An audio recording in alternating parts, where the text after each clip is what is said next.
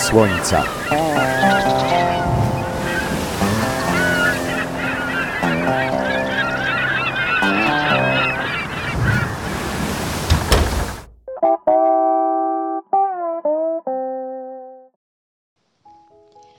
Choć większość wydarzeń kulturalnych w tym roku zostało odwołanych, to jednak w żywieckim kinie Janosik zgodnie z planem udało się zorganizować kolejną, trzynastą już edycję festiwalu górskiego Adrenalinium.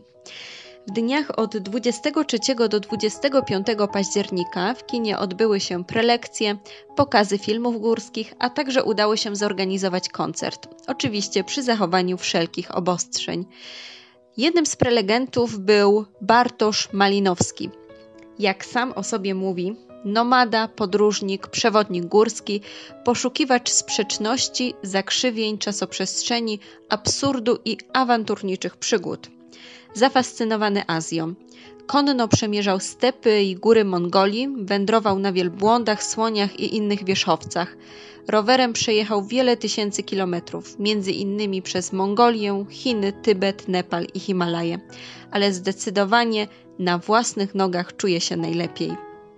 W 2010 roku współorganizował wyprawę śladami wielkiej ucieczki z sowieckiego łagru Witolda Glińskiego z Jakucka do Kalkuty w Indiach. Przez 6 miesięcy przemierzył 8 tysięcy kilometrów na różne sposoby, nadając stałe relacje dla programu Trzeciego Polskiego Radia. W 2013 roku wraz z żoną Asią przeszedł Hadar, lodową drogę po zamarzniętej rzece Zanskar w Himalajach. Przez życie wędruje nieprzetartymi szlakami. Obserwuje życie nomadów w Mongolii, w Azji Centralnej i Afganistanie – Twierdzi, że od tego są nogi, by łazić na nich i że trzeba żyć życiem, jakby się miało stanąć na zajutrz ze śmiercią twarzą w twarz. Posłuchajcie kilka fragmentów z jego prelekcji.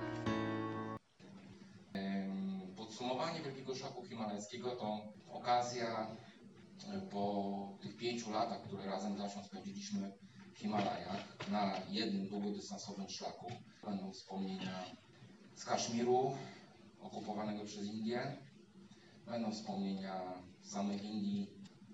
W 2015 roku rozpoczęliśmy naszą pierwszą długą wyprawę w Himalaje Nepalu. W Nepalu już bywaliśmy wielokrotnie, ale e, dzięki Ministerstwu Turystyki i australijskiego podróżnika Robina Baumsteda dostaliśmy zgodę na przejście młodej, młodego, nowego szlaku szlaku turystycznego e, przechodzącego przez całe Himalaje. To jest właśnie ten Great Himalaya Trail, wielki szlak himalajski, który w 2011 roku z okazji Światowego Roku Turystyki Górskiej oficjalnie został otwarty jako nowy szlak e, w Himalajach.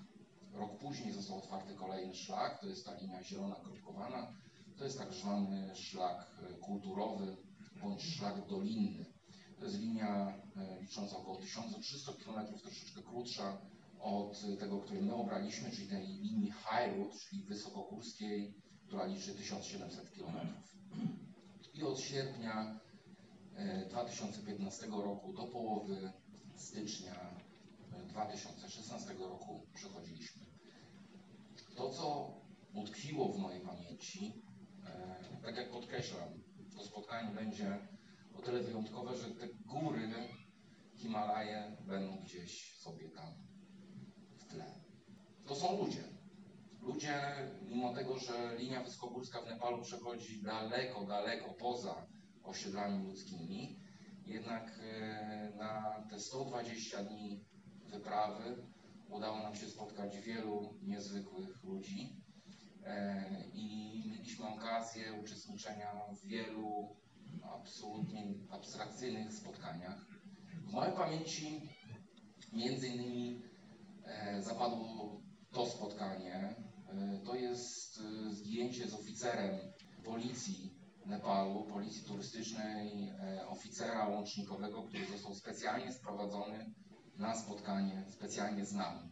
Otóż ciekawostką pokonywania Wielkiego Szlaku Himalajskiego jest niezwykle skomplikowana biurokracja tych y, różnych działań formalno-administracyjnych jest na tyle dużo, że w przypadku samej wyprawy do Nepalu y, wygenerowaliśmy ponad dwa segregatory pełne dokumentów, żebyśmy tylko mogli poruszać się po tych górach.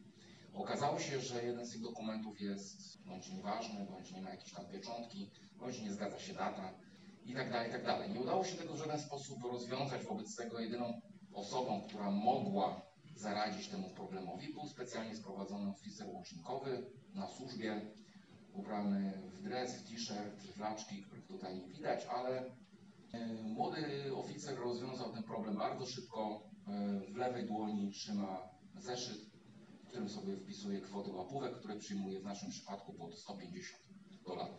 I po przyjęciu tej kwoty tą, te pieniądze rozdzieli pomiędzy wszystkich posterunkowych, y, nie wiem w jakim algorytmie, no ale każdy dostał tam po jakiejś części i wypisał nam fałszywe, fałszywe dokumenty, lewe, kwity, żebyśmy mogli dalej kontynuować drogę. E, I powiedział tylko, żebyśmy na kolejnych checkpointach nikomu nie płacili, bo on już to wszystko dalej załatwi.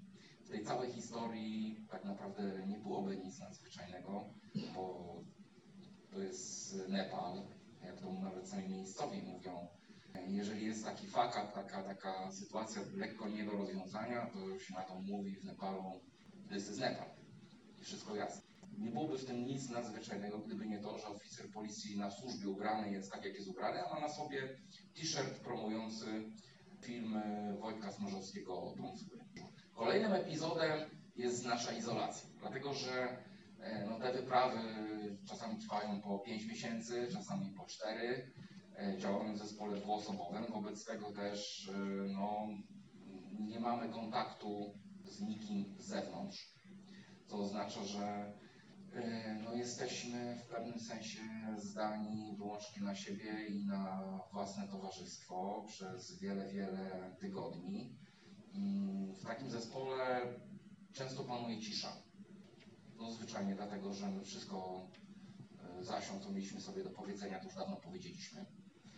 Ale e, bywają takie momenty, kiedy przechodzimy regiony bardziej turystyczne, takie jak chociażby region Annapurny czy region Kumbu, e, w sensie region Everestu, gdzie spotykamy grupy z Polski i możemy się dowiedzieć o tym, co dzieje się w naszej ojczyźnie. Takim epizodem jest y, prasa, którą dostajemy od jednej z wypraw, y, gazety, które są potem czytane od, od dechy do dechy. Dowiadujemy się z tych gazet różnych rzeczy, o których kompletnie nie mamy pojęcia i nie wiemy nawet, jak je dokładnie zinterpretować, jak je zrozumieć. Pomaga w tym wszystkim łączność, y, łączność satelitarna, która mniej więcej dwa razy e, na miesiąc, czasem raz w miesiącu jest używana, e, aby przekazać stałe relacje dla różnych rozgłośni. Ja jestem też związany z Nepalem e, zawodowo. Od ponad 10 lat pracuję tam jako przewodnik górski, jako organizator trekkingów, organizator wypraw i pracuję tam w branży turystycznej. I wiele od ludzi, od Nepalczyków, E, od, z różnych części, bo Nepal jest niezwykłym tygrem kulturowym, e, obyczajowym, językowym. E, nauczyłem się zupełnie inaczej patrzeć na to wszystko, co mnie otacza. Przypominam sobie ten, ten dzień, kiedy przez 8 godzin czekamy na odjazd autobusu i nikt E, z tych pasażerów siedzących na dachu w temperaturze poniżej zera. Nie krzyczy, nie bluźni, nie ma awantur, e, nie ma żadnych, e, żadnych sytuacji takich, które mogłyby się wydawać normalne, kiedy no, po prostu ludzie są zdesperowani i zdeterminowani do tego, żeby w końcu uruchomić jakieś, jakieś reakcje. Nie. Po prostu w Nepalu ludzie są cierpliwi, są życzliwi w stosunku do siebie, są e, w pewien sposób gdzieś przepełnieni takim zwyczajnie, takimi, taką empatią, że jeżeli komuś jest zimno, to komuś ktoś da kurtkę, jeżeli potrzebuje się napić herbaty, to mu tą herbatę da. I te powroty z takich wypraw, jak y, czasami pytacie mnie Państwo, co jest trudne na takiej wyprawie, to ja zawsze powiem, że powrót. Powrót z wyprawy jest trudny. E, Nepal jest y, krajem, który kocham. Za to, że nikt tam nie narzeka, nie stęka, nie marudzi. E, I wszystko to, co mnie otacza, jest takie aż absurdalnie rzeczywiste. I tych rzeczy, które są w Nepalu, nawet mamy to w Nepalu takie powiedzonko na to, to w polskim tłumaczeniu mogę na to powiedzieć nepalski pierdolnik. I on doskonale się sprawdza, dlatego że wszystko, co się dzieje w tym kraju, jest y, załatwiane na początku. Czyli jeżeli no, zbiła nam się przednia szyba w autobusie, w którym jechaliśmy, no to po prostu trzeba było ją zakleić w nocy, żeby, żeby autokar mógł jechać dalej. Nożyczkami zostało wcięte mm, y, miejsce, w którym kierowca, żeby coś widział i mogliśmy jechać dalej. E, Wielki szlak himalajski istnieje tylko w naszej wyobraźni. E, dlatego, że z naszego punktu widzenia takiego geograficznego, górskiego, często Państwo chodzicie po górach, e, więc są znaczki, są na drzewach, na kamieniach, tabliczki, schroniska, mapa, GPS, aplikacja w telefonie, mnóstwo narzędzi, z których korzystamy na co dzień, urządzeń, aplikacji pomocniczych, które wskazują nam drogę. No w Himalajach, Nepalu tego nie ma, wobec tego po prostu ten szlak samej nazwy no nijak się ma do takiej naszej rzeczywistości, nie ma tam żadnych oznaczeń. Trzeba po prostu sobie radzić samemu. No. Do Nepalu wracamy.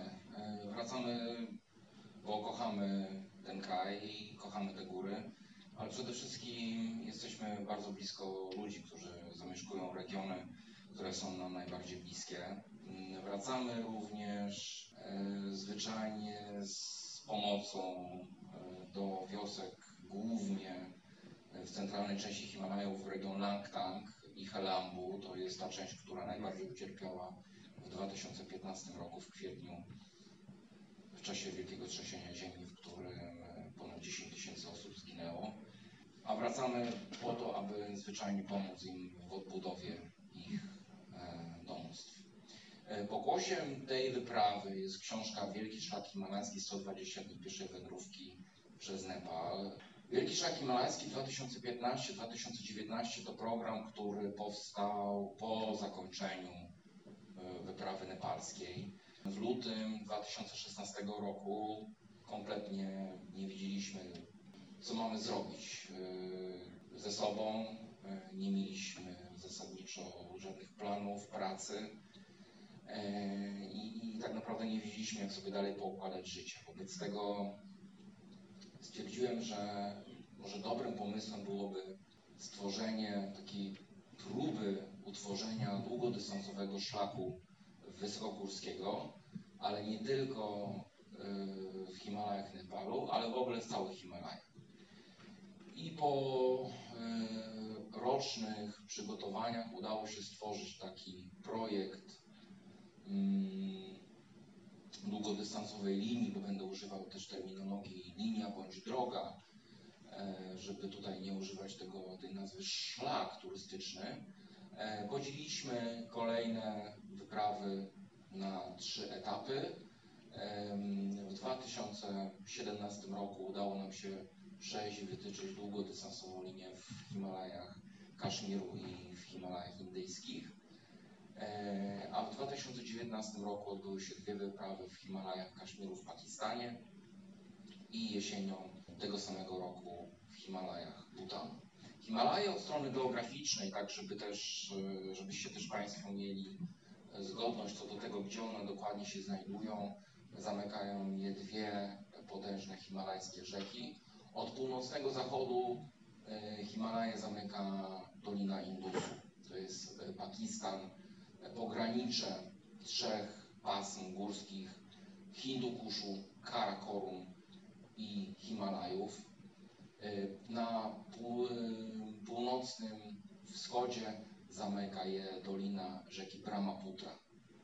Tutaj ten odcinek cały czas pozostaje do eksploracji ze względu na niezwykle skomplikowaną drogę administracyjną, która potrwa co najmniej jeszcze rok bądź więcej, abyśmy uzyskali wszystkie zgody na poruszanie się w strefie przygranicznej z Tybetem okupowanym przez Chiny. Niemniej jednak y, na podstawie tych czterech lat y, udało się zorganizować te y, cztery wyprawy. W 2017 roku rozpoczęliśmy od Kaszmiru, do którego już przez wiele lat próbowałem wjechać. Natomiast ze względu na spory, na sytuację polityczną, cały czas takiej zgody nie otrzymaliśmy. Dopiero w 2017 roku po raz pierwszy po 10 latach wszystkie permity, takie zezwolenia na poruszanie się w strefie demarkacyjnej na tak zwanej linii przerwania ognia, linii kontroli udało się zdobyć. E, I też dzięki temu udało się przymierzyć Himalaje Kaszmiru na odcinku kilkuset kilometrów. Cały czas y, Pamiętacie Państwo spór o Kaszmir? To jest y, niezwykle długa, zawiła historia, niezwykle skomplikowana i tak naprawdę historia, w której do dzisiaj nie wiadomo o co w niej chodzi. Dlaczego, że ten Kaszmir, co to jest w ogóle Kaszmir i dlaczego jest tak długi i krwawy spór? Otóż od momentu, kiedy Brytyjczycy w 1947 roku opuszczają swoją kolonię w Indiach, tworzą nowe państwo. Tworzą państwo Pakistan i dzielą ludzi na wyznawców hinduizmu i na wyznawców islamu. E, wyznawców islamu przerzucają, starają się przerzucić do Pakistanu, a pozostałych zostawić w Indiach. No jak znamy z historii wiele takich projektów, one się nie skończą nigdy powodzeniem. I tym samym zawsze skończą się e, wewnętrzną wojną domową. Tak samo jest w przypadku Kaszmiru. E, ta linia kontroli jest nieuznawaną granicą ani pomiędzy Pakistanem, ani, ani pomiędzy Indiami. W, w samych Indiach żyje blisko 200 milionów muzułmanów. Mm, natomiast w samym stanie Jammu i Kaszmir w tej chwili ich liczba przekracza 13 milionów. Od kilku lat, a szczególnie w 2019-2020 roku, na terenie Indii i nie tylko w Indiach zaczął rozwijać się ekstremalnie skrajny nacjonalizm. Przyczyną tego e, jest próba pozbycia się wszystkich muzułmanów zamieszkujących terytorium Indii. Wiąże się to z gigantycznymi problemami e, dla e, muzułmanów. Wiąże się to z, nie, z projektem na niewiarygodną skalę, jeśli chodzi o ilość osób, które będą przesiedlane. Trwa to od, e, od wielu, wielu lat. Natomiast od w ostatnich miesiącach ten problem został niezwykle zaogniony. Trwa tak zwany strajk obywatelski.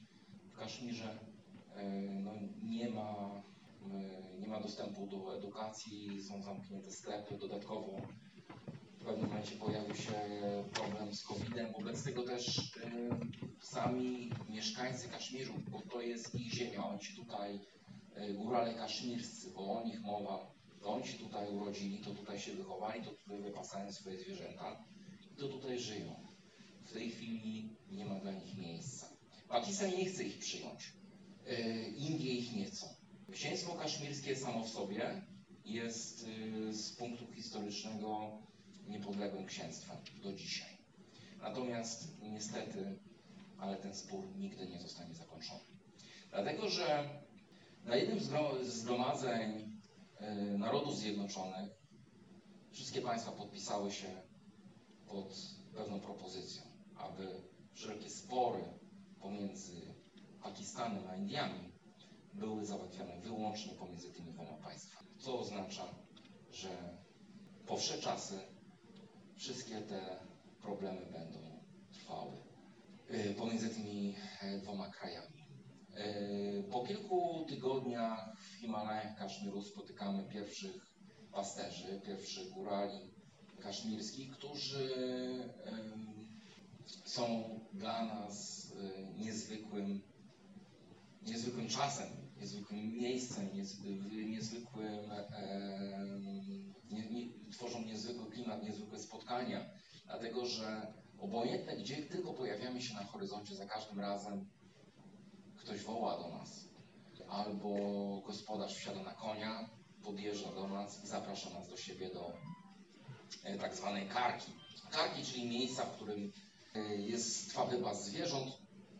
To nie są nomadzi, e, to są ludy stacjonarne, górale, którzy przez cały okres od lipca mniej więcej do października, do końca września, w zależności od warunków pogodowych, wypasają zwierzęta na tych rozległych zielonych łąkach Himalajów, Kaszmiru. Zapraszają nas do siebie na herbatę, na rozmowy, na obiad, a potem bardzo szybko płynnie przechodzi to, a może zostaniecie na noc.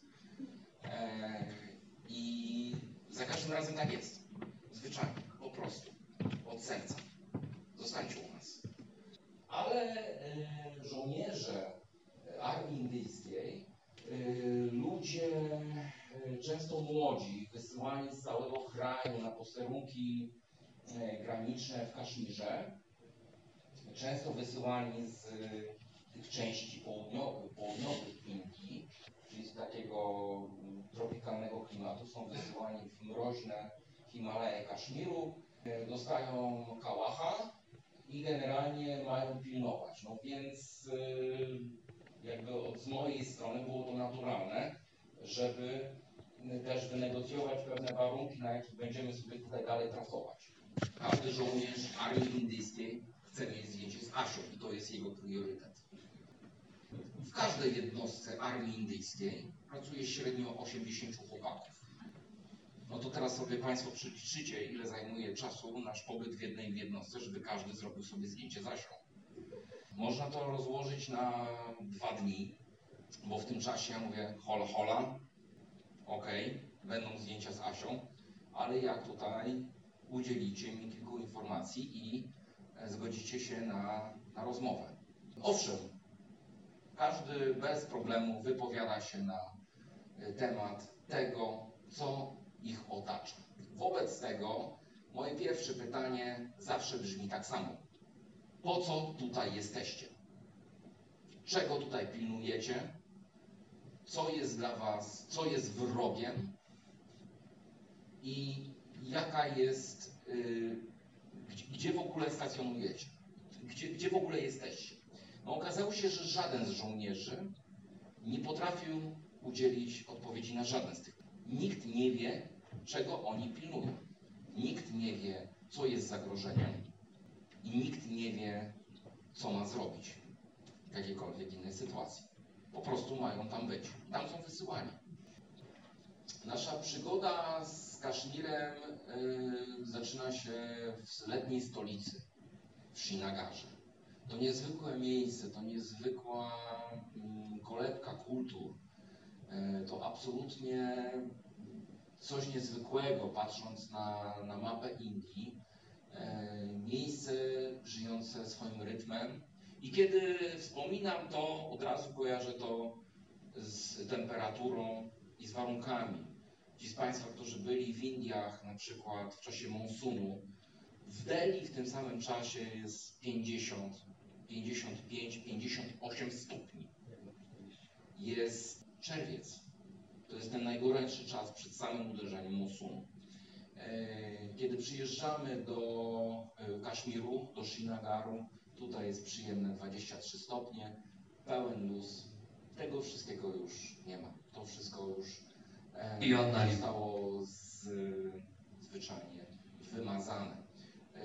W Shinagarze, jako stolicy Kaszmiru, nie ma prądu, nie ma internetu, nie ma mediów, wszyscy dziennikarze zostali wyrzuceni, nie ma żadnej łączności. Te informacje, jakie dostajemy ze Shinagaru są całkowicie praktycznie puste. E, nie wiemy, co się dzieje u naszych znajomych z ze Shinagaru. Ostatnie wiadomości od nich były około 4-5 miesięcy temu. Podsumowaniem etapu indyjskiego jest spotkanie w dniu po wyprawie, jak to zawsze, w dawnej, starej, radiowej trójce. W Witach spędziliśmy ponad 3 miesiące. Ta wyprawa została niedokończona ze względu na konflikt pomiędzy władzami indyjskimi na, w jednym ze stanów i tam dostaliśmy tak zwanie zbanowani, nie dostaliśmy permitów, dostaliśmy pozwoleń i y, nastąpił akt y, deportacji. E, Natomiast y, niedługo mija nasza kwarantanna z Indiami, wobec tego też myślę, że wrócimy za jakiś czas, jak tylko to wszystko, e, jak tylko czasy pozwolą. E, Pozdrawiam serdecznie słuchaczy Radia Widok. Trzymajcie się i do zobaczenia na szlaku. Bartosz Malinowski, Wielki Szlak Himalajski.